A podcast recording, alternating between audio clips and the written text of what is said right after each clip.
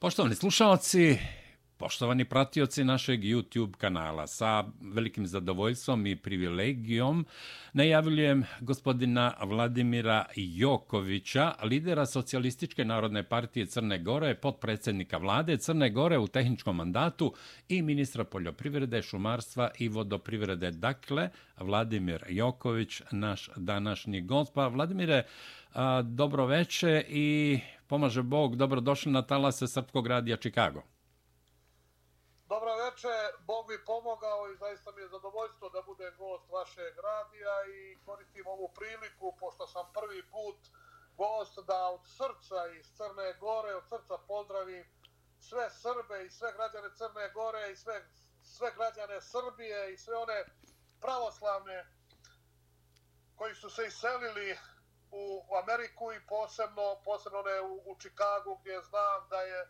najveća srpska zajednica u rasajanju. Tako je. Gospodine Jokoviću, dozvolite mi samo da podsjetim na nekoliko detalja iz vaše biografije. Naime, Socijalistička narodna partija, kao jedna od stranaka srpskog naroda u Crnoj Gori, osnovana je 1998. godine nakon velikog raskola u Demokratskoj partiji socijalista. Osnivač i prvi potpredsednik, odnosno predsednik, oprostite stranke, bio je bivši crnogorski predsednik Momir Bulatović. Posle više turbulencije i stranačkih raskola oslabio je politički uticaj ove nekad moćne partije na zbivanja u Crnoj Gori, ali i šire. Naime, loši rezultati na parlamentarnim izborima 2016. godine izazvali su nove podele i promene na čelu stranke. Na kongresu u Podgorici 13. augusta 2017. za novog predsjednika Socijalističke narodne partije izabran je Vladimir Joković, dakle vi. Vi ste uspeli da Socijalističku narodnu partiju podignete iz pepela i tako zadobijete poverenje članstva koje vam je poverilo novi mandat 31. jula 2021. godine. Socijalistička narodna partija je od 2020. godine bila deo parlamentarne većine zajedno sa Demokratskim frontom, demokratama, UROM i tako dalje. Podržavali ste vladu Zdravka Kirokapića, a od 28. aprila prošle godine Vi ste i deo manjinske vlade Dritana Bazovića, gde Socijalistička narodna partija daje ukupno šest članova vlade koji drže veoma, veoma važne resore. Dakle, ako dozvolite, ja ću dodati još nešto. Vi ste bivši predsjednik Karate Saveza Crne Gore, predstavljali ste Saveznu republiku Jugoslaviju od 1991. do 2000. godine u karateu, osvajali ste velikog broja medalja i jedan ste od najpoznatijih majstora karatea u Crnoj Gori, ako se ne varam, imate crni pojas četvrti dan. Pored toga, a, vi ste i političar, dakle, pre svega sportista, a evo sada i političar. Pa, pre nego krenemo na, na pitanja i što bi se reklo na ono što je najinteresantnije, kažite mi kako spajate politiku i karate. Karate je oličenje viteštva, a politika je daleko od viteštva. I samo da dodam da ste porodičan čovek, da ste oženjeni i otac ste dve čerke i jednog sina. Dakle, politika i karate. Karate viteštvo, politika daleko od vitešta. Izvolite. Dobro ste to rekli sve što se tiče mene i sve ste precizno, precizno rekli. Dakle, ja sam od samog početka kad je došlo do raskola u tada jedinstvenoj demokratskoj partiji socijalista, koja je dio taj koji je krenuo putem separatizma, razbijanje, razbijanje zajedničke države sa Srbijom. Ja sam tada prvi put ušao u politiku i podržao Momira Bulatovića i od prvog dana i osnivanja Socialističke narodne partije, ja sam član glavnog odbora i izvršnog odbora SMP-a i kolegijuma, i na kraju ovaj predsjednik SMP-a posle svih ovih dešavanja. Dakle, kako uporediti karate i, i politiku? Karate jeste viteška, jedna plemenita, zaista viteška e, sportska disciplina i vještina, potiče iz Japana i tako dalje. Ja sam bio zaista vrhunski šampion, bio sam dva puta drugi u Evropi, imam 15 zlatnih medalja s prvenstva SFRJ, Jugoslavije, SR Jugoslavije, Srbije i Crne Gore, što ekipnih, što pojedinačnih pobjednik mnogih turnira, prvak Balkana, Mediterana i tako dalje. Dakle, ja sam u politiko želio da unesem ono što je također u karateu, što sam dao i doprinio kakav je karate. Politika je, zahvaljujući nekim profesionalnim političarima, ja ipak mislim da je negdje izvitoperena i nije to uh, ozbiljno i časno zanimanje, bar takvu percepciju imaju građani širom svijeta, Tako je. od nas ovdje. Dakle, ja želim i tako nastupam, uvijek govorim istinu, borim se, fair play poštujem i želim one vrijednosti iz karatea da prenesem, prenesem na politiku. I negdje ogromna moja satisfakcija je da sam bar toliko koliko sam mogao i SMP naravno u svojoj snazi koju je tada imao da smo došli konačno poslije 23 godine do pobjede do pobjede nad eh, gospodinom Đukanovićem koji je razdvojio Srbiju i Crnu Goru, priznao nezavisnost Kosova, satanizovao Srbiju i satanizovao Srbe u Crnoj Gori i negdje su samo oni najčvršći, oni koji su nešto slično, mogu reći mene, koji su viteškog srca, izdržali to i na kraju smogli snage da ga pobijede. Dakle, spajanjem karatea i, i, i politike nije nemoguće i politika može da bude fair priča, može da se priča i posao i zanimanje, može da se odra, o, radi i sprovodi na najčasniji mogući način, ali naravno u politici uvijek nije to što se u javnosti kaže. Postoje česti interesi i ne može se uvijek politika svoditi na ono što bih ja želio, jer svi mi političari, posebno na vlasti, u opoziciji, bez obzira imamo ogromnu odgovornost prema onima koji nas podržavaju i koji u nama vide nekoga ko može bolje ponuditi i državi i narodu. Dakle, ukupno gledano, vjerujem da je dobar spoj, jer sam ja u karateu i u sportu naučio i na bolne poraze i na veličanstvene rezultate. Tako sam spreman i u politici. Ali u politici mora se mnogo više vještina koristiti kako bi, kao i u karateu također, sa manje snage i sa više moći postigao ono, i sa manje moći postigao najbolji mogući rezultat. Dakle, SMP kad je bio u lošoj poziciji, mi smo napravili ono što smo željeli kad smo imali i, i 40% podrške u Crnoj Gori. Da, gospodine Joković, evo pre nego vam postavim prvo pitanje, to će biti više i konstatacija koju ćete vi komentarisati. Ja bih samo želeo da kažem da je meni posebna privilegija što ste danas gost, jer je nas pre možda nekih desetak, 12 godina, ne znam već koliko, upoznao moj pokojni kum Zoran Žiđić s kojim ste bili poprilično bliski, pa eto prosto ovaj, opet kažem posebna privilegija, davno smo se upoznali, ali kao da se da smo se videli juče, tako smo i juče razgovarali, tako ćemo i razgovarati i naravno uvek podrška Srpkog radija Čikago za vas i za sve ono što vi zastupate.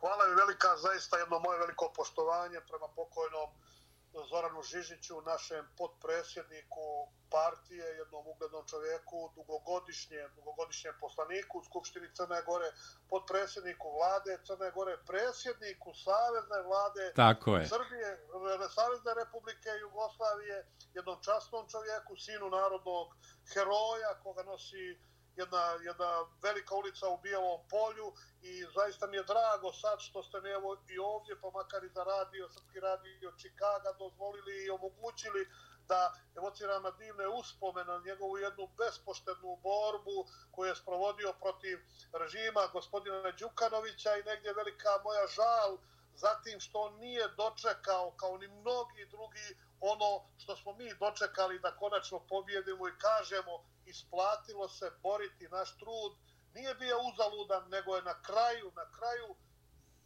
rezultirao onim što su mnogi kao i naš voljeni Žika koga smo mi uvijek tako, tako je, tako naš je. voljeni Žika koji, koji, su, koji nijesu dočekali da se desi to ali i uz njihovu uz emocije i uspomene na njihovu borbu, mi smo negdje crpili snagu i uspjeli smo.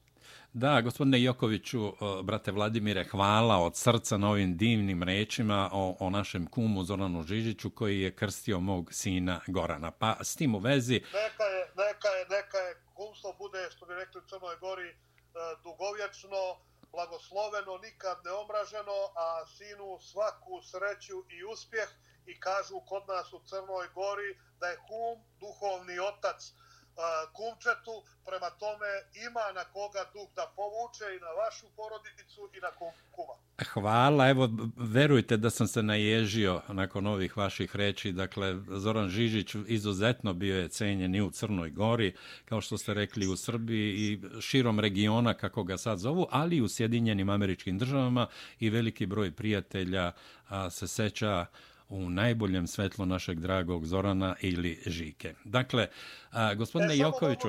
Da, izvolite, izvolite. Trenutka, trenutka kakav je bio pokojni Zoran Žižića kod nas u SMP, on je samo nas napusti, on za nas nikad nije pokojni. Tako je. Sjeli smo jednom prilikom da se pije piće, jedan od velikih boraca, Žika je volio da popije onako, bio je bojem čovjek. Bojem jeste, kulturan. I da se druži, da kaže, i ogromno znanja, ogromni intelektualac, veliki poznavalac prava i pravnih nauka. I mi sad sjedimo i rekao, šta ćeš da popiješ? Pita konobar, ovaj jedan naš plan, kaže, ja ću jupi. A kaže Žika, e Boga mi šupi, on se Đukanović nikad ne povjeđuje. da, da, da, da, sjajno, sjajno, sjajno, sjajno.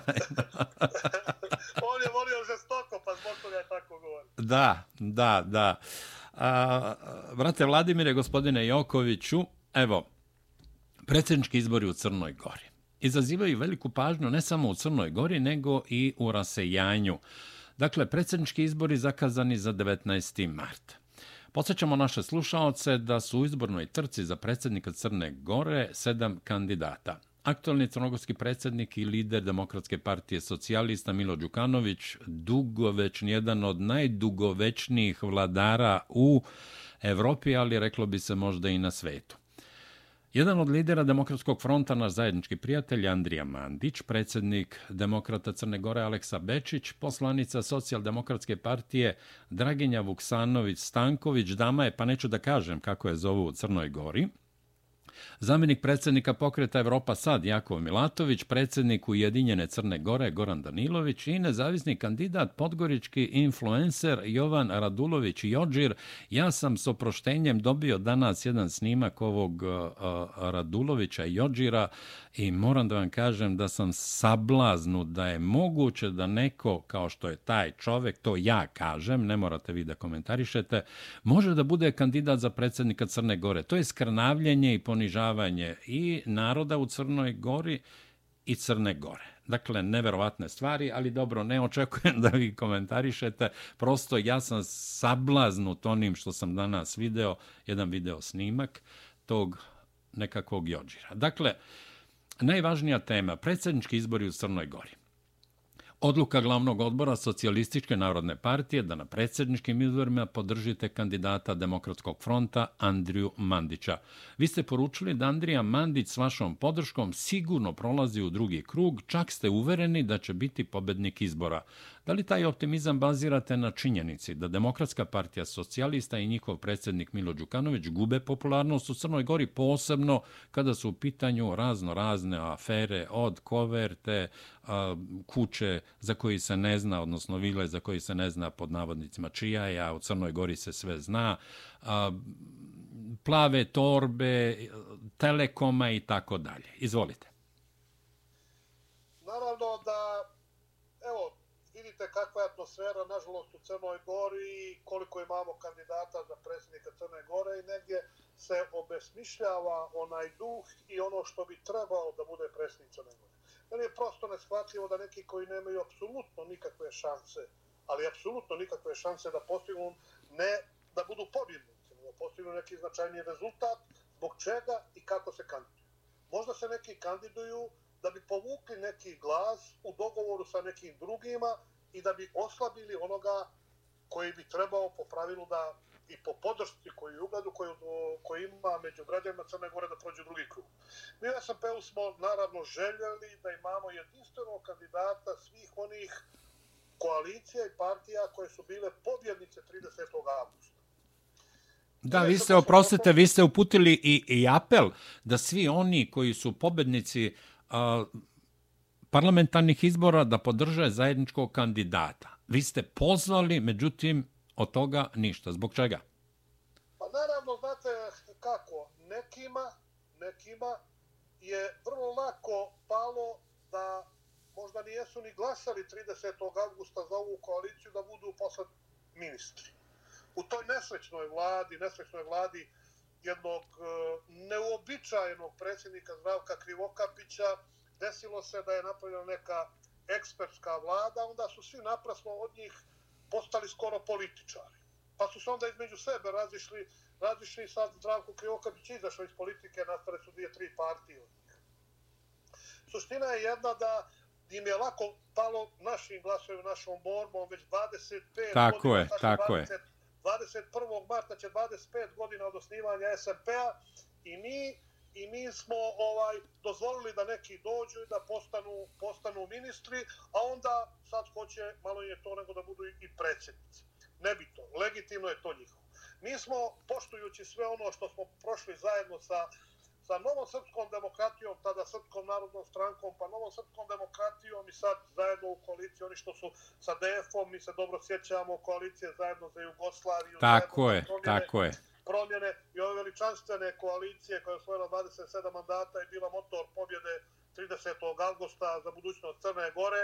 Mi smo naravno, znajući da se naše biračko tijelo i tekako preklapa, da imaju zajedničke težnje, želje i, i ovaj E, zajedničke baštine, skoro zajedničke vrijednosti. Mi smo na glavnom odboru donijeli odluku da podržimo Andriju Mandića da bi između ostalo po prvi put posle toliko vremena Crna Gora dobila i vratila se sebi da bi dobila predsjednika koji se izjašnjava kao Srbi. Jer znamo dobro da je u popisu stanovništva za vrijeme samostalne Crne Gore 98% građana Crne Gore se izjašnjavalo kao Srbi. Tako je. Ne želimo ništa drugo. I da govore srpski jezik. Naravno, srpski jezik je i sad, i sad jedina apsolutna većina u Crnoj Gori. U Crnoj Gori nemamo sad većinu ni za što osim kad je u pitanju srpski jezik. Dakle, i, i mi smo ovaj, e, naravno i razmišljali ko bi mogao da pobjedi, ko bi bio dostojan predsjednik Crne Gore. I tu je bio sasvim lak izbor. Naravno, e, gospodin Andrija Mandić, naš prijatelj, dugogodišnji saborac, u svemu ovome je najozbiljniji kandidat i znate kako građani Crne Gore i mi u SNP-u razmišljamo, mi smo ipak od svih, ako ne ništa drugo, makar najozbiljnija partija. Tako I mi je. smo i naši članovi su razmišljali sljedeće. Kome bi vi povjerili svoje dijete kad bi negdje pošli da ih čuva? I onda su naši na glavnom odboru rekli pa jedini Andrija Mandić je taj kom bi to mogli da uradi. E pa kad mu povjerili svoje dijete, kako da ne bi svoju državu da vodi, a i vi ste tu. Tako je. I onda smo zaista jedinstvena odluka glavnog odbora i mi sad smo u obilasku svih opštinskih odbora, noća smo imali opštinski odbor Podgorice, sad smo ga završili, sutra večer smo u pljenima i bit ću na promociji, uh, bit će opštinski odbor naš i tamo je Andrija Mandić i govorit ću na tome skupu na promociji, prek sutra večer smo u Herceg Novom, podižemo naše opštinske odbore, da svi vide da je naša podrška Andriji Mandiću znači bratska, istinska, iskrena, bez ikakvih kalkulacija, sa jednim jedinim ciljem, a to je najbitnije za Crnu Goru, da se pobjedi Đukanović i jedino pobjeda Andrija Mandića prolaska u drugi klub može garantovati tu pobjedu. Mi smo u to uvjereni i tim putem idemo i naravno vjerujemo da pošto Đukanović sigurno neće moći osim glasova Draginje Vuksanović SDP-a ni na jedan drugi glas u drugom krugu moći da računa i odmah se može vidjeti ako oni osvoje 40% znači da u sljedeći ko prođe, a vjerujem da će to biti Andrija Mandić u sljedeći krug da će biti sigurno dvocifrena razlika između Andrije Mandića i kandidata DPS-a i nažalost sadašnjeg predsjednika Crne Gore, gospodine Đuković. Da, Andrija Mandić, eh, zahvalna zbog vaše podrške, izjavio je Socijalistička narodna partija će nesumnjivo biti značajan deo ove velike pobede i potpune demokratizacije Crne Gore, koja će konačno dovesti do toga da Crna Gora bude država svih njenih građana. Vi ste uvereni da ćete dočekati definitivan kraj više decenijske vladavine Mila Đukanovića Crnom Gorom. Ako izostala podrška pobednika kao 30. avgusta, na koji ste i vi pozivali, zajedničkom predsjedničkom kandidatu, nije li čudno čutane Alekse Bečića pa i Jakova Milatovića na ponudu Demokratskog fronta da se postigne sporazum oko toga da se podrži Andrija Mandić u drugom krugu i za protivnika bude imao Mila Đukanovića. Milan Knežević, jedan od lidera Demokratskog fronta, poslao je poruku. Mi, Demokratski front, krvlju, čašću i obrazom, zbog stotina hiljada ljudi podržat ćemo vas u drugom krugu ako pobedite Andriju Mandića. Ali, pozivamo vas isto tako da u drugom krugu, što je izvesnost, podržite Andriju Mandića, jer jedino on pobeđuje Mila Đukanovića. Ima li poštenije, ljudske, časnije, crnogorskije, srpskije, građanske ponude od ove koju mi nudimo ispred Demokratskog fronta, naravno i vi podržavate to, ali odgovora nema. O čemu se radi? E pa znate što je, suština je u Crnoj Gori da toliko uh, u Crnoj Gori postoji te sujete. Nažalost, mnogi crnogorski, posebno ovi mlađi političari, oni nemaju nikakvu drugu alternativu osim politiku. Jesu oni nešto ustvarili u životu, primjer radi, evo da hvale sebe kao što sam ja bio šampion veliki. Tako je, tako je. Predsjednika Rate Saveza Crne Gore, pa sam ja ozbiljan biznisan, imam firmu, 25 godina, imam 40-50. I ostavili ste veliki trag i u sportu i u poslovanju da, i politici i, i tako. Poslovanju i tako dalje. I onda ti mladi ljudi samo gledaju sebe. Kod nas u SMP je obrnuta priča. Dakle, kod nas je najvažniji nacionalni interes, interes države Crne Gore. Na prvom mjestu, na drugom mjestu je E, partija, a na trećem mjestu je pojedinačni interes. U nekim partijama, nažalost, je obrnuto. Prvo ja, partija, pa država. E ovdje je ova ponuda, ovo što je rekao Milan Knežević, zaista je istinito i ja pozivam sve. Prije nego što vidite rezultate, recite i pozovite da ćete podržati onoga ako prođe u drugi krug. Mi smo donijeli odluku i rekli, u prvom krugu podržavamo Andriju Mandića, podržavamo ga i u drugom krugu, ali ako bi ne daj Bože što je nevjerovatno da se desi da prođe prođe neko drugi ili da prođu dva kandidata, opet podržavamo Andriju Mandića, ali podržavamo i svakog kandidata u drugom krugu koji nije kandidat demokratske partije socijalista njenih, njenih satelita, dakle e, e, Milo Đukanović ili e, Draginja Vuksanović. Korektno i pošteno. Blago, blagotvorno bi bilo za Crnu Goru da dođe do promjene i da konačno Crna Gora po prvi put, po prvi put dobije na demokratskim, potpuno demokratskim izborima, dobije novog predsjednika i da jedna teška, dugogodišnja e, vladavina gospodina Đukanovića, teška po narodi i Crnu Goru i odnose Srbije i Crne Gore i položaj srpskog naroda u Crnoj Gori, da bude poražena, zatvorena i da se nikad ne ponovi. To je suština. Da li svi to osjećaju? Osjećamo mi, osjećam i ja i Andrija Mandić i Milan Knežević. Jer smo mi 25 godina u toj borbi nakupljeni svakake gorčine, nepravde prema nama i prema našim građanima i našim simpatizerima i mi mnogo šire, racionalnije, državnički, državnički razmišljamo nego oni koji razmišljaju, a gdje sam ja sjutra u toj toj opciji. U tome je razlika i zbog toga sa jedne strane otvorena, jer mi znamo šta znači produženje Vladavine Đukanovića, otvorena ponuda i želja iz Demokratskog fronta i nas, a sa druge zasad muk. Da, tišina i muk. A gospodine Jokoviću, podpredsednik ste vlade Crne Gore. Jedinstvo pobednika od 30. avgusta, odnosno parlamentarne većine, palo je na ispitu kada je trebalo podržati Miodraga Lekića kao mandatara za sastav nove 44. vlade Crne Gore, ali je pao u vodu i posljednji pokušaj od pre par dana da se formira tehnička vlada od parlamentarne većine iz 2020. godine, koju bi predvodio predsjednik Ure Dritan Abazović do 2024. i novih parlamentarnih izbora. Dogovor je srušio Goran Danilović, lider Ujedinjene Crne Gore. Zbog čega je Danilović pod navodnicima izdao većinu? O čemu se tu radi? Izvolite. Dakle, što se tiče nas u SMP-u, mi smo bili apsolutno kooperativni, željeli smo, željeli smo da se formira ova uh, nova vlada i da dođe do, do toga da trajemo do 24. godine kako za period koji nam su građani dali i ukazali povjerenje da vodimo ovu državu. Tako je.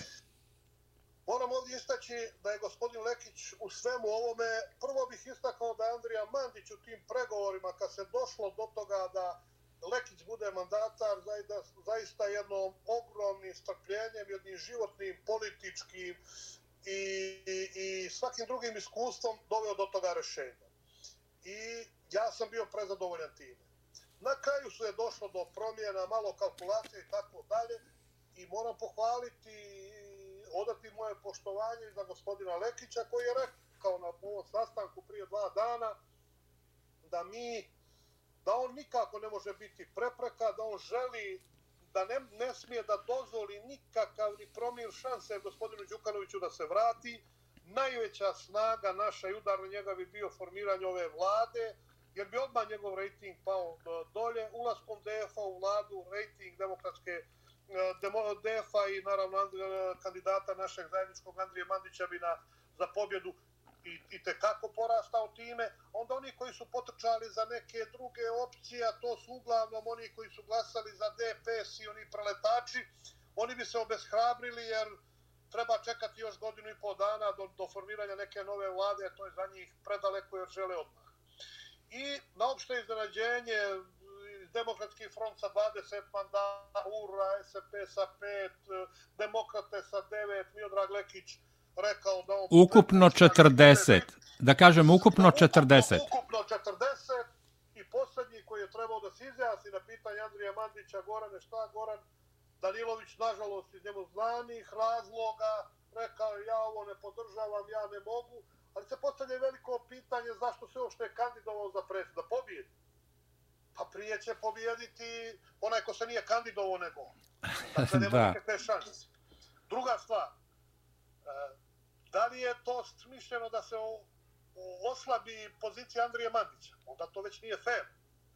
A treća stvar, ne dozvoliti u ovoj situaciji da se formira vlada, a da 40 poslanika, pa makar svi pogriješili i bili u nekoj... Apsolutno tačno. Zabludi, zabludi da jedan stopira i to jedan koji je, evo sigurno mogu sad reći, čašćen mjestom na listi da ima da ima kandidata jer on apsolutno nije imao imao nikak niti cenzus niti glasova za to.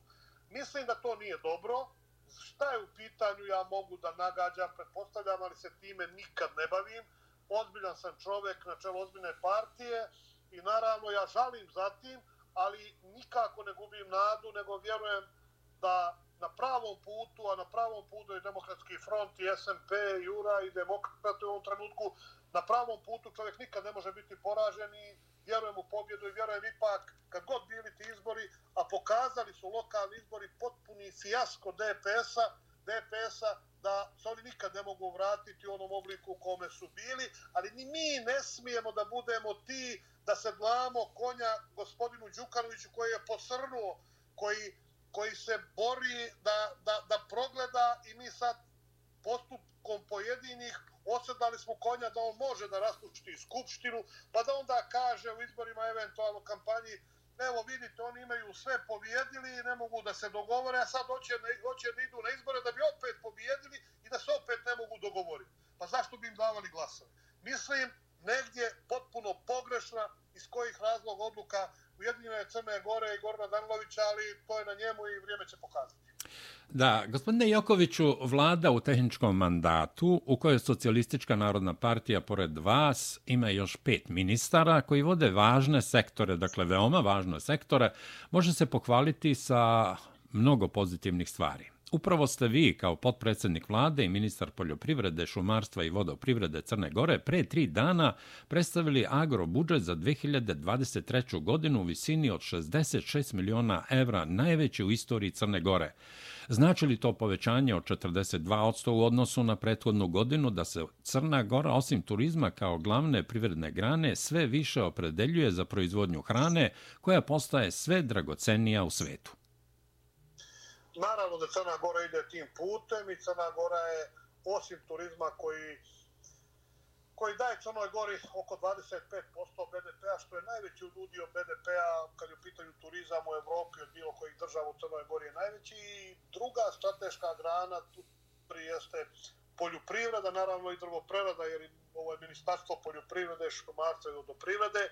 Mi smo i zahvaljujući ovoj vladi rezultatima ekonomske politike koje ova vlada vodi, prvi put Crna Gora je prekoračila tu famoznu stopu od 5 milijardi bruto društvenog proizvoda BDP-a i na osnovu tog povećanja i želje da povećamo ogromnu uvoznu zavisnost kad je u pitanju poljoprivrede i poljoprivredni proizvodi, prehrambeni proizvodi, dakle Crna Gora uvozi mislim preko 600 miliona prošle godine da uvezla poljoprivrednih proizvoda, mi želimo na mnogo, mnogo načina da poboljšamo i ohrabrimo posebno mlade ljude i tu ima niz mjera koji će pomoći da Crna Gora poveća dovoljnost kako bi smanjila uvoz, kako bi e, naši poljoprivredni proizvođači lakši način proizvodili više, kako bi imali potpuno ekonomsku opravdanost posla kojim se bave. Naravno, proizvodili tu, vjerovali ili ne, vjerovatno jedno od najzdravijih hrana u Evropi, jer Crna Gora nije još dostigla nivo, niti ima potrebe za sad u tome da toliko koristi ta hemijska sredstva da tretira svoje usjeve, žitarice, e, ovaj, povrtarske proizvode i naravno voće. Voće i uvjeren sam da Crna Gora proizvodi jednu od najzdravijih hrana, a onda sigurno region Srbija i Makedonija, Bosna, nevjerovatno zdravu hranu proizvodi, putuje po svijetu i to znam i svi se dive i mi smo prema tome mnogo toga učinili. Ali ova vlada je dozvolite mi samo nekoliko stvari da kažem. Ova vlada i ministarstva koja mi e, ovaj koja pripadaju SMP-u i koji e, gdje su ministri iz SMP-a napravila revolucionarna dijela u Crnoj Gori posebno potpisivanje temeljnog ugovora sa Srpskom pravoslavnom Da, preći ćemo i na to pitanje. E, dobro, dobro. Dakle, onda, onda E, kažem, e, niz imamo još i potpisano 63 miliona e, eura pomoći evropskih fondova preko programa MIDAS 3. Imamo ove godine na raspolaganju 23 miliona podrške iz evropskog programa i pristupnih fondova MIDAS 2 i imamo iz FAO-a, Svjetske organizacije za hranu, 10 miliona ovaj, povoljnih kredita, 20 miliona grantova, tako da vjerujem i tu sam zbog toga i činim sve što je u mojoj moći da Crna Gora i te kako i te kako poljoprivredno se razvija jer tu postoji ogroman, ogroman prostor jer sami, sama činjenica da se uvozi 600 miliona, znate koliko otvara, otvara, otvara, se uvozi 600 miliona poljoprivrednih proizvoda, koliko se otvara tu prostora za biznis. Da, pomenuli ste temeljni ugovor Srpske pravoslavne crkve i vlade Crne Gore. Činjenica je da ste vi ulazak Socialističke narodne partije u manjinsku vladu Dritana Bazovića koji je podržala Demokratska partija socijalista, uslovili potpisivanjem temeljnog ugovora sa Srpskom pravoslavnom crkvom, koji je premijer Dritan Abazović potpisao sa Srpskom pravoslavnom crkvom u avgustu prošle godine.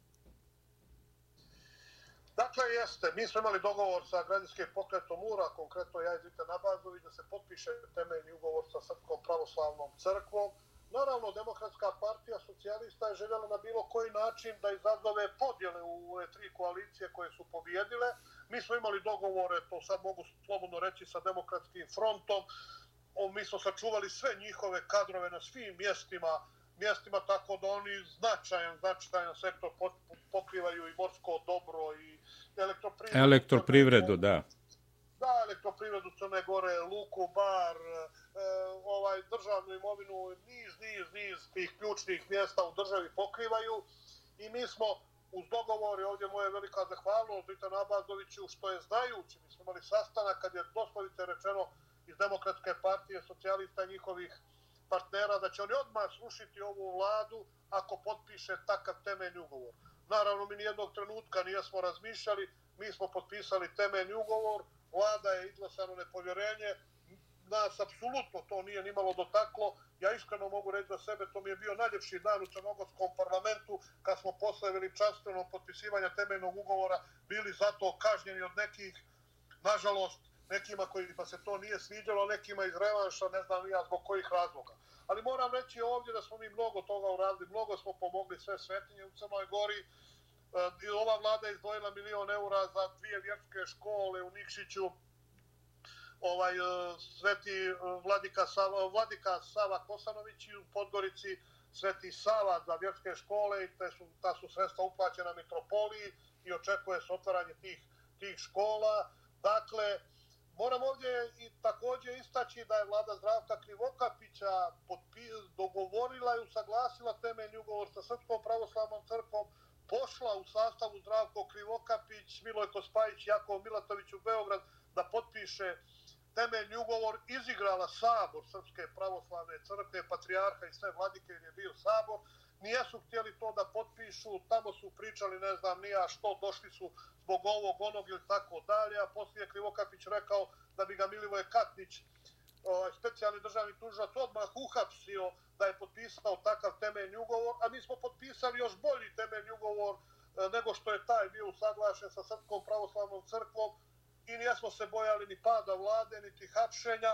Naše ogromno zadovoljstvo, a sjećam se i posljednjih razgovora mojih sa mitropolitom Amfilohijem. Amfilohijem. Znači, počivši mitropolitom i rekao mi ovo mi je najteža godina u životu, da se hoće potpisati temeljni ugovor, zakon izglasati, spasiti svetinje i da se samo jedna motika zakopa na Lovćenu, za Njegoševu kapelu ja bih molio svevišnjega da mu se predstavim i to mi u dva posljedna sastanka isto tako rekao. Da, gospodine Jokoviću, samo da dodam, ovaj, bez obzira šta ko misli o Dritanu Abazović, ono što srpski narod i srpska pravoslavna crkva mora da kaže da se tom čoveku oda veliko priznanje, on je albanac, on je čovek koji nije hrišćanin, nije pravoslavan, ali je iznad svega čovek. On je potpisao temeljni ugovor sa Srpskom pravoslavnom crkvom, a ne Zdravko Kriokapić koji se predstavljao za velikog hrišćanina, pravoslavca i ne znam već šta. Vjerujte mi, ja sam to rekao i u Skupštini, u nekim mojim televizijskim nastupima, može doći ne bih volio, ali do mimo ilaženja u političkom smislu, ali ja i nijedan pravoslavac u Crnoj Gori, onaj koji je poštovalac i pripadnik Srpske pravoslavne crkve, a to je 95% pravoslavnog stanovništva u Crnoj Gori, mora zapamtiti i odati poštovanje jednom čovjeku Apsolutno. koji je koji je albanac, a znate kako su i tekako opterećeni odnosi već dugo vremena u, kad je u pitanju srpski narod i albanski narod, posebno zbog pitanja Kosova i nekih drugih dešavanja. Ja sam rekao jednom, kad bi bio, kad bi sad bio živ i pisao primjere čojstva i junaštva veliki kučki vojvoda i crnogorski junak Marko Miljanov, on bi sigurno uvrstio Dritana Abazovića, čovjeka druge vjeroispovijesti, druge nacije, koja se žrtvovala da bi spasila vjeru i e, imovinu Srpske pravoslavne crkve vjerujućih naroda u Crnoj Gori.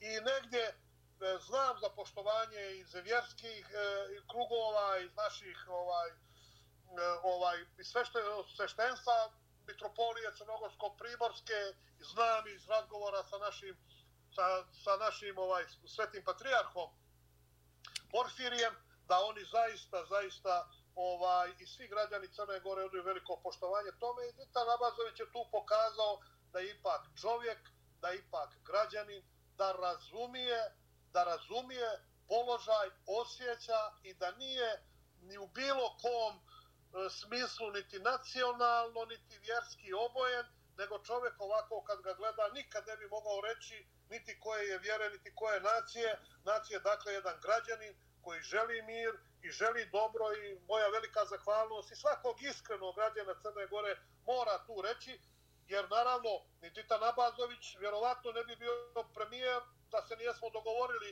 ja i onda će biti potpisan u 100 dana vlasti. Uh, Upravo naša, tako, da, to je vrlo važno. ugovor i on je naravno to ispoštovao i moja, moje veliko veliko poštovanje i mislim, neki su govorili, a zašto to ne bih ja potpisao kao podpredsjednik i tako dalje. Ja mislim da ono, kad ga je potpisao premijer koji je iz druge nacije, druge vjere, da on daje nemjerljivo veću snagu nego da je potpisao neko kao ja koji se izjašnjava Srbin, e, vjerujem u i pripadnik sa Srpske pravoslavne crkve, pa su onda rekli to on za svoje. Ne, ne, neko je tu izdigao se iznad svega, uvidio potpunu nepravdu i progon koji je činjen protiv Srpske pravoslavne crkve i onaj nesrećni zakon o takozvanoj slobodi vjeroispovijesti gdje je trebala da se oduzme imovina Srpske pravoslavne crkve u Crnoj Gori time da ona nestane.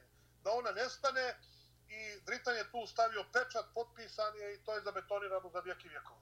Da, A sa druge strane imamo poslanicu socijaldemokratske partije i kandidatkinju za predsjednicu Crne Gore, Draginju Vuksanović-Stanković, koja je jedva dočekala formiranje Ustavnog suda Crne Gore da preda inicijativu te partije za ocenu ustavnosti i zakonitosti temeljnog ugovora.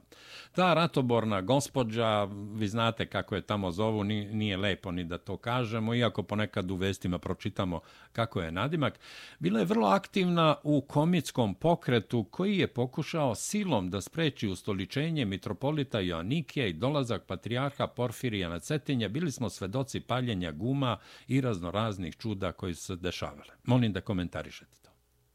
Dakle, moram je ovdje reći, reći jednu rečenicu o tom čuvenom 4. septembru i ustoličenju našeg mitropolita Joannikija na Cetinju, da e, su oni protestovali Pa pazite, Njegoš u Gorskom vijencu Cetinje zove srpsko počivalo.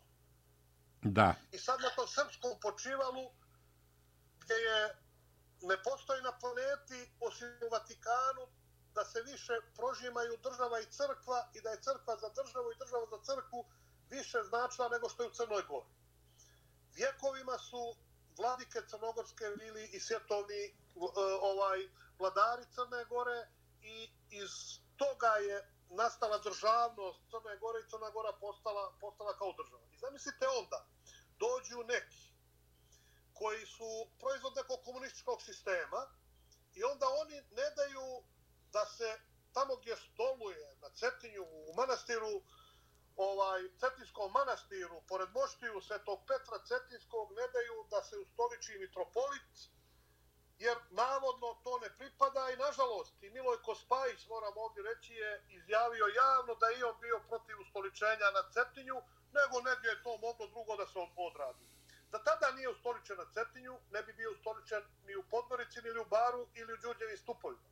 Ili bi možda sad bio, ali sljedeće bi tamo zabranili, i to je bio trenutak kad se nije smjelo odustati. I naravno, kad smo mi trebali da potpišemo temeljni ugovor, bio je zahtjev od uh, demokratske partije, socijalista i SDP-a, ne sad, pa da čekamo septembar.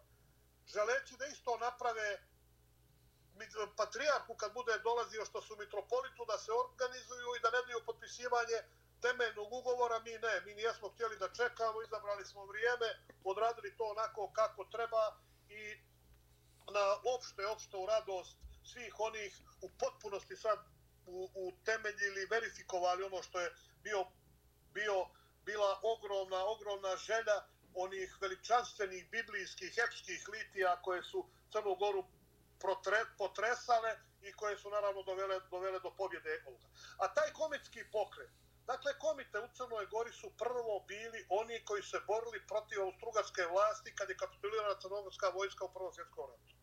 Kasnije se pojavile druge komite, kontrakomite koji su bili protiv jedinjenja Srbije i Crne Gore, I onda sad ovi koji zloupotrebljaju to časno imanih istinskih boraca protiv okupacije Crne Gore strane Austrugarske u Prvom svjetskom ratu.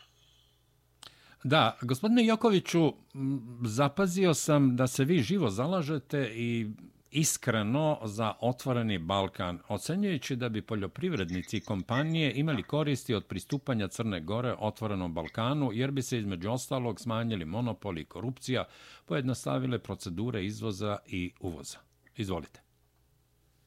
Pa naravno svaki građanin Crne Gore koji želi dobro Crnoj Gori, koji želi napredak Crne Gore, želi da se Crna Gora što je moguće više otvori integriše sa svojim susjedima, sa državama s kojima je osim Albanijom u prošlosti živjela u zajedničkoj državi.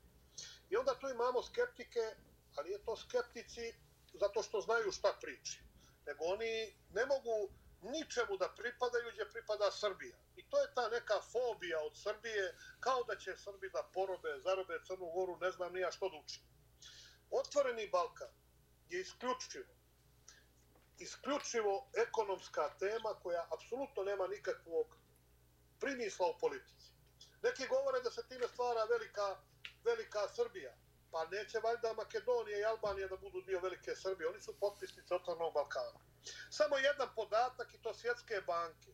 Ne Srbije, Crne Gore, onih koji su za ili protiv Otvornog Balkana.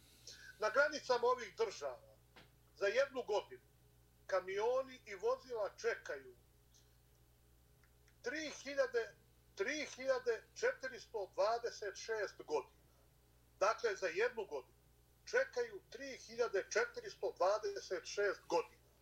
I čisti direktni gubitak je 3,5 milijarde, milijarde dolara. Ja postavljam pitanje, ko ima da baci 3426 godina ili 3,5 milijarde, milijarde dolara za jednu godinu? Kad jedan kamion ide iz Crne Gore za Skoplje, Tiranu ili Beograd, sasvim nebitno, ili obrnuto, 80% vremena provodi u čekanju, a samo 20% u putu. I mi želimo to da se izbjegne jer su to ogromni gubici, ogromna stajanja, povećavanje svih mogućih troškova i tako dalje i tako dalje. Neki se kažu kako ćemo mi sa razvijenom Srbijom. A onda ih ja pitam, a jeste li vi za Evropsku uniju? Jesmo. Pa kako ćete se takmičiti sa Holandijom, da. E, drugom, kako sa Njemačkom, kako sa Francuskom? Pa ako ne možemo da se takmičimo sa Albanijom i Makedonijom, u poljoprivredi ne možemo da budemo tu konkurenti, a kako ćemo onda sa njima kad budemo članice Evropske unije. Dakle, ono što je nesrećni ovaj režim proteklih 30 godina, ovdje, ovdje je u sve se uvukla sumnja, što god dođe od nekuda, posebno ako dođe iz Beograda, ovdje sa priori odbija, pa makar to bili i darovi ili ne znam ja što. Suština je jedna, oni koji žele da žive u getu kao što je Crna Gora živjela, izvinjavam se, za vrijeme ove vlasti, oni ne žele da se otvore, jer kad se otvore, neće tako sjajiti ko što su mislili ta sjajna vlast gospodina Đukanovića, no će se vidjeti da negdje ima i boljih vlasti i više demokratije i više slobode, da se lakše prolazi, lakše trguje, lakše živi, zarađuje i tako dalje. Dakle, Otvoreni Balkan ima niz ugovora koji se tiču i zajedničkih akcija kad su u pitanju elementarne nepogode, poplave, požari, zajedničkog nastupa na turističkim tržištima, priznavanje diploma i tako dalje, niz prednosti ono koji prosječan, svaki prosječni građanin Crne Gore bi osjetio potpune benefite od toga i samo oni koji žive hraneći, hraneći i egzistiraju i ugodno žive hraneći one koji ih podržavaju ideologijom protiv svakog otvaranja Crne Gore ili bilo čega Crna Gora da bude sastavni dio gdje je Srbija, oni su najveći jedini zagovornici otvornog Balkana.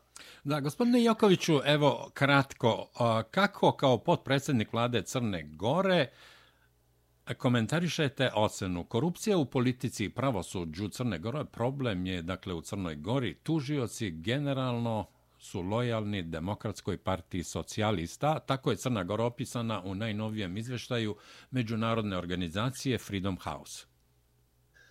Naravno, vrlo, vrlo jednostavno je to objasniti. Možda sad sa tačke gledišta oni koji nijesu najbolje upućeni, nijesu svaku poru tog segmenta vlasti u Crnoj Gori, te sudske vlasti, tužilačke, e, ovaj, jednostavno da bi neko bio izabran na neku funkciju, značajnu mora imati, primjer, radi 5-10 godina da radi u sustvu ili tužilaštvu i 5 godina na nekim odgovornim funkcijama.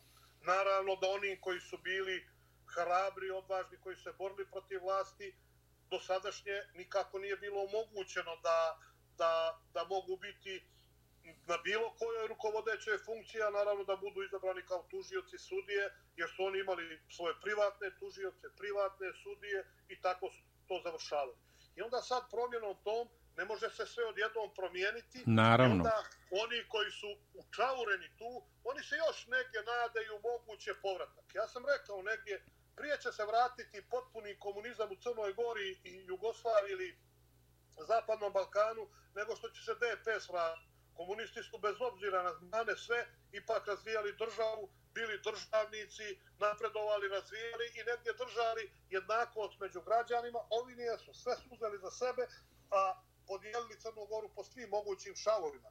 I onda su i u tim takvim zakonima opet se izaberu neki koji su bliski prošlom režimu jer su ih oni postavljali, imenovali, naravno naše ne bi imenovali, postavljali i onda se tu imamo ozbiljan problem, ali ima i napretka ozbiljnog u borbi protiv kriminala i korupcije i to je u posljednjem izveštaju Evropske unije negdje rečeno da Crna Gora u tome pravcu napreduje. Naravno, uz nedostatak još, da kažem, nepotpuno čišćenje trulih dasaka, kao što je govorila i bivša predsjednica koja je naravno bila u zatvoru i sad u sudskom procesu. Da, suda, Vesna Medenica. Medenica da ima, da ima ovaj trulih dasaka, još se nijesmo oslobodili tih, tih trulih dasaka i trebalo bi ovoj parlamentarnoj većini jedno četiri godine odlučne borbe da se toga riješi za sva vremena. Da, a gospodine Jokoviću, nedavno povodom najavljene rekonstrukcije vlade Crne Gore, evo upravo u vezi sa ovim što ste rekli, pojavlja se vez da socijalistička narodna partija pokušava da odnosno da predlaže da Marko Kovač ostane ministar pravde. Kada se već pominje, upitaću vas zašto ministar Kovač ili deo vlade, kako već, nije ništa uradio da se predsjednik Atlas grupe Duško Knežević vrati u Crnu Goru i u slobodnim uslovima brani svoja prava i odgovori na sve optužbe koje mu je spakovalo bivše tužilaštvo po direktnom nalogu Mila Đukanovića. Kao da nekome ne odgovara da se gospodin Duško Knežević bezbedno pojavi u Crnoj Gori kao dragoceni svedok protiv Mila Đukanovića, jer su oni bili vrlo bliski, moram da primetim, koga zbog tih brojnih afera koje je upravo Knežević obelodanio, nameravate 19. marta da pošaljete u političku penziju, odnosno na političko smetlište istorije. Govorimo o Milu Đukanoviću. Dakle, e, ne može ministar pravde da o tome odlučuje. E, za gospodinom Kneževićem, koji je bio bliski, bliski saradnik Đukanovića, zajedno su ljetovali po morima na istim jahtama, u istim vilama, koristili jedni drugim kartice i tako dalje, platne kartice i mnoge, mnoge benefite.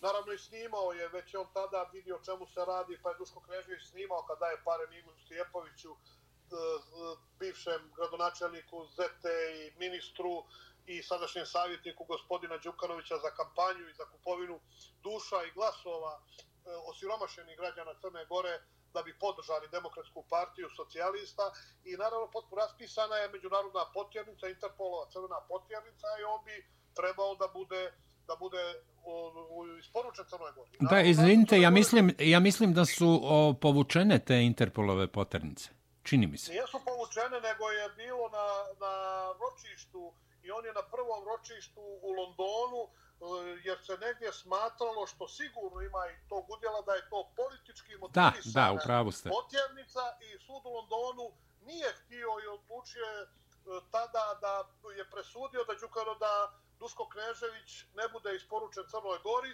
ali mi sa strane vlasti apsolutno želimo da on dođe, da odgovara za ono što je optužen, da se u jednoj potpuno e, rasterećenoj, opuštenoj atmosferi presudi, da li je nije da to nezavisni, kompetentni sud. Jasno. Naravno da kaže, da kaže sve o onome što se i one sve dokaze da iznese šta su pojedinci iz Demokratske partije, socijalista i njihovo rukovodstvo radili i kako je Crna Gora o očerupana, ako tako mogu da kažem, u ovih posljednjih 30 godina i šta se učinilo s tom ogromnom društvenom imovinom, na koji način je prodavana, da vidimo šta je sve sa švercom cigareta, kako su reketirani strani investitori i mnogo, mnogo toga. Mislim da zanimljivijeg, da zanimljivijeg svjedoka od Duška Kneževića teško da bi bilo jer je on bio u srcu tih dešavanja i mnogo toga bi mogao i time bi on doprinio doprinio e,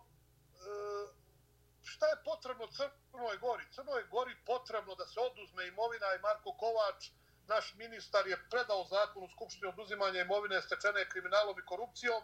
Ako se u Crnoj Gori... Je li prošao taj zakon, Vladimir? U Skupštini imaju neki amandmani, ali vjerujem da će biti usvojen u raspravi je skupštinskoj proceduri, raspravi na plenumu je, ali je suština jedna, ako mi u Crnoj Gori, mladim generacijama, koje po pravilu mladi ljudi žele brzo do imovine, do luksuza i tako dalje, ne pokažemo. a primjerom oduzimanja imovine onih koji su opljačkali Crnu Goru, da kriminal i korupcija nijesu isplativi, Crna Gora će i dalje, i dalje, zato što to nasledstvo i ugledanje na one koji su uzeli, uzeli sredstvo od onih lakomislenih mladih ljudi koji žele da se ostvare, dokažu i pokažu, Crna Gora će i dalje plivati u korupciji i kriminalu, kriminalu bez obzira na ogromnu borbu ove vlasti protiv toga, ali dok se ne oduzme imovina i pokaže se to su ti koji su opljačkali Crnu Gora, sad nemaju ništa i svi ćete biti ovaki bez išta, ako budete to radili, onda oni ne bi mogli biti uzor, nego uzor naprotiv da se nikad niko ne bavi korupcijom i kriminalom.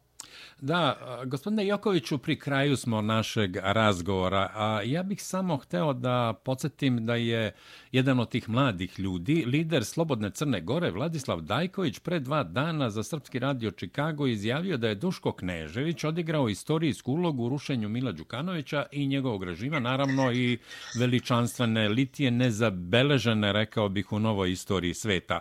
On je to slikovito objasnio da je u vremenu one sveopšte apatije i maltene pomirenosti sa činjenicom da će Milo Đukanović sa porodicom vladati još 30 godina. Ima osjećaj da je sami Bog poslao Duška Kneževića, koji je onako hrabro stao ispred Mila Đukanovića, prvo da odbrani svoju ličnu čast, a onda i da odbrani sve nas koji smo znali da se vrši kriminal, krađa, korupcija, ubistva u Crnoj Gori, a nismo mogli da to i dokažemo. Zaista zahvalan sam Dušku Kneževiću, rekao je Vladislav Dajković. Šta vi mislite o ovome što je rekao Vladislav Dajković, mladi političar u Crnoj Gori, o gospodinu Kneževiću i njegovoj ulozi u padu Mila Đukanovića i njegovog carstva, naravno zajedno sa svima vama? Ja iskreno mislim da je najveći doprinos uh, padu Demokratske partije socijalista bio upravo, upravo i Đukanovića bio upravo Đukanović i Demokratska partija socijalista izglasavanjem onog zakona o slobodi vjeroispovijesti, gdje su oni u svoj, svojoj opijenosti i svemoći, a prolazilo je sve ono što se mislilo da ne može, udarili na ono što nam je najsvetije i udarili u posljednju liniju odbrane Srpskog naroda u Crnoj Gori. I polomili zube.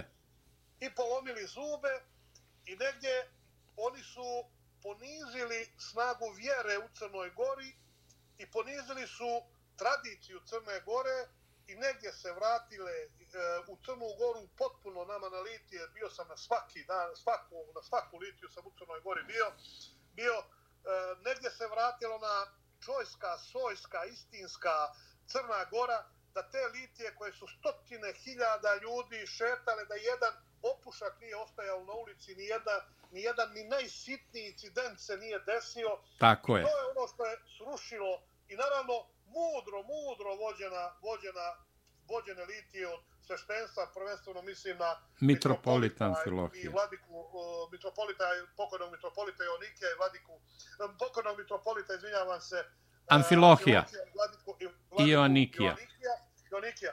A gospodin Duško Knežević, ja odajem priznanje za ono što je učinio u borbi protiv Đukanovića. Ali isto imamo Duška Kneževića koji je davao pare da oni kupuju izbore i finansirao onako iz džepa i snimao to. Dakle, da vidimo sve rasterećeno.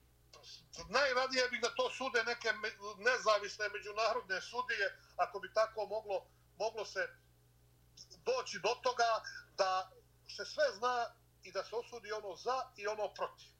Da. I ono što je dobro i ono što je loše.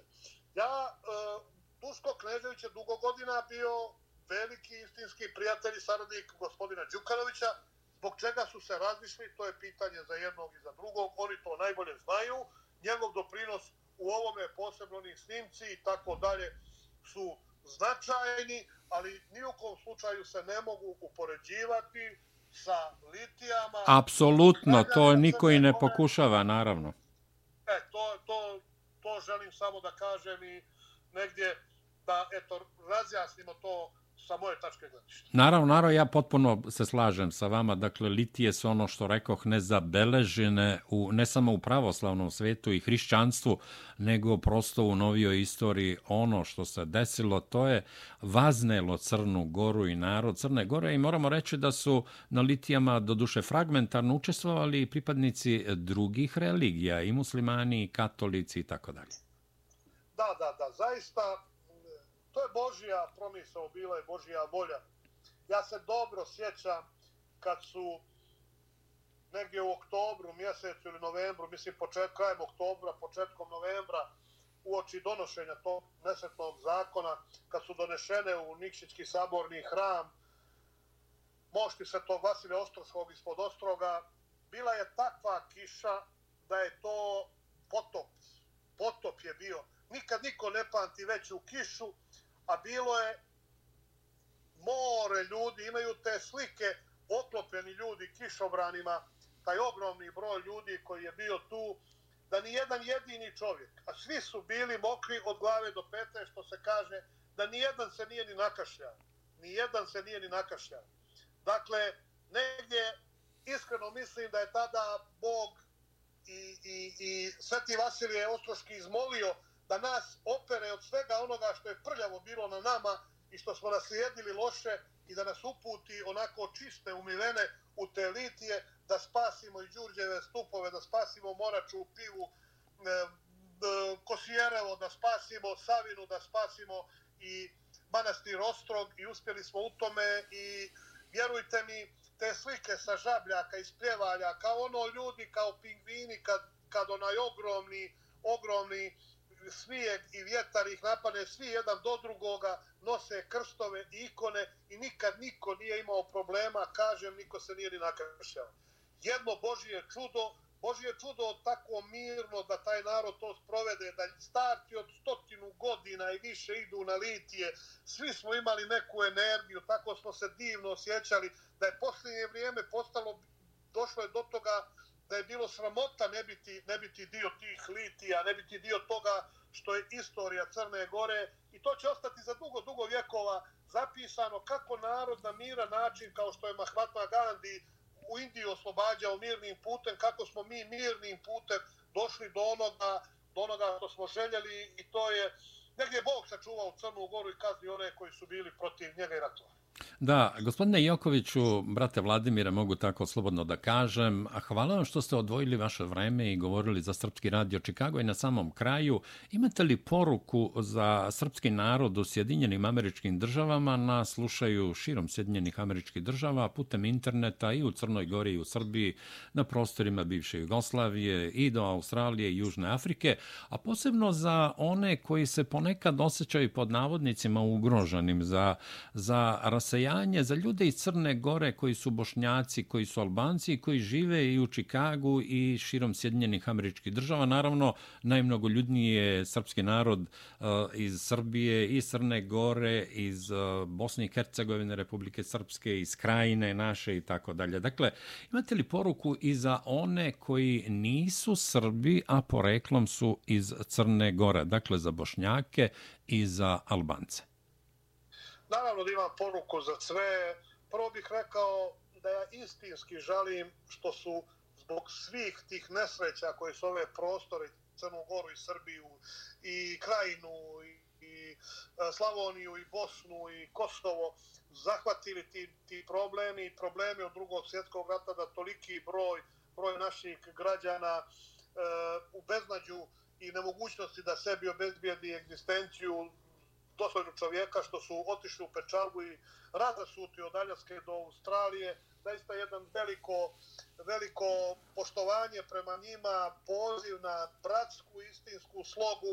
Budite, živite, poštujte države u, kojoj, u kojima živite i Sjedinjene države, bilo koju državu, ali nikada, nikada nemojte zaboraviti svoju rodnu grudu. Svi smo odatle. Vjerujem da će doći vrijeme da će se moći vratiti i živjeti vaši potomci vi dostojno onako kako želite u Crnoj Gori, Srbiji, na svim prostorima gdje Srbi žive. Apelujem na potpunu slogu, budite ujedinjeni u Hristu, u pravoslavlju, u srpskoj nacionalnoj svijesti i velikanima koji su nas objedinjavali, koji su nas hranili njihovim velikim dijelima, a za one koji nijesu pravoslavci, za Albance, Bošnjake i sve druge, ipak Crna Gora je građanska država, u Crnoj Gori nikad nije bilo međunacionalnih sukoba. Tako je. Osjećajte Crnu Goru kao svoju državu, vi to i činite. Mi smo ponosni što imamo e, i ministarstvo koje se bavi bavi nacionalnim manjinama i što imamo direktorat za, za ovaj dijasporu koji tamo žive i činimo sve i želimo da doprinesemo da i vi i svi ostali na isti i jednak način osjećate i Crnu Goru, i Srbiju, i Bosnu, i sve naše predjele da osjećate kao svoje, svoje države, da živimo u slozi, jer ipak, bez obzira na ono što je što se dešavalo, ipak živimo na jednom području, potičemo sa jednog mjesta, naslonjeni smo jedni na druge, da apelujem na slozi, na zajedničkom suživotu, da se ujedinimo u svim tim razlikama i bit će bolje za sve pojedinačno, a vjerujte mi tu gdje smo napravili zajedničku kuću, imamo mnogo neprijatelja, da ne trebamo jedni drugima da budemo neprijatelji, nego da budemo braći. Gospodine Jokoviću, zaista mi je bila, moram da kažem, bratska privilegija da sam danas razgovarao sa vama, da mi je zaista nekoliko puta, mm, kad ste govorili, došlo i da pustim suzu, prosto sam se naježio od svega onoga što ste rekli. Hvala vam od srca i molim vas, pošto znam da idete za Nikšić, da ćete biti deo, mislim da je u pitanju mitinga kandidata za predsjednika Crne Gore, Andrije Mandića, pozdravite i Andriju koji je nedavno bio gost na našem radiju. Pozdravite Andriju, pozdravite sve dobronamerne, dobre ljude, ne samo Srbe, nego i Srbe i Crnogorce i svi u koji će večeras biti na tom mitingu i prenesite Andriji pozdrav i od Vladike Longina i Branka Tupanjca, od Savira Kočevića i svih naših zajedničkih prijatelja koje Andrija ima u Čikagu. Hvala vi, hvala vi i zaista ću pozdraviti. Sutra večer sam na skupu s Andrijom Mandićem u Pljevljima i prenijećemo ove pozdrave. Ću ga sad zovnuti telefonom da mu prenesem, prenesem te, sve, te, sve te pozdrave. Veliki pozdrav za vas. Zaista veliko mene zadovoljstvo i čast ste učinili da me čuju. Imam mnogo rodbine svoje i želim ovim putem da ih pozdravim. Pozdravim u Čikagu i mnogo I u New Yorku, i u New Yorku. I u New Yorku. 21. sam u New Yorku.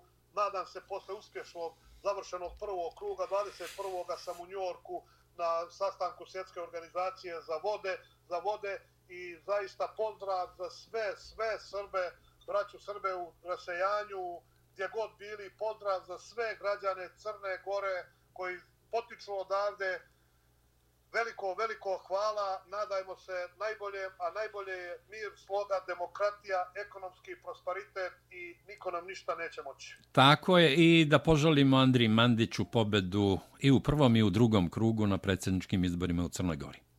Nije to pobjeda Andrija Mandića, nego je to pobjeda svih nas, to treba Crnoj Gori, to će biti zajednička pobjeda, naravno, naravno mi ćemo dati svoj doprinos, doprinos zajedničkom, da kažem, kandidatu i Andrija će imati apsolutnu podršku što se tiče SNP-a i nas za, za predsjedničke izbore. Da, hvala vam od srca što ste odvojili vaše vreme, govorili za Srpski radio Čikago. Molim vas, ostanite još na, na, na liniji, nešto ćemo porazgovarati kad završimo ovaj zvanični deo.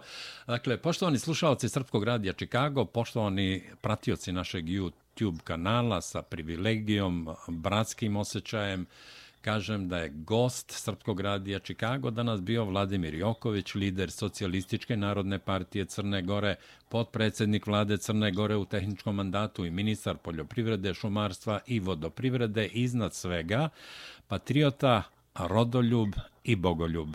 Bio je sa nama Vladimir Joković.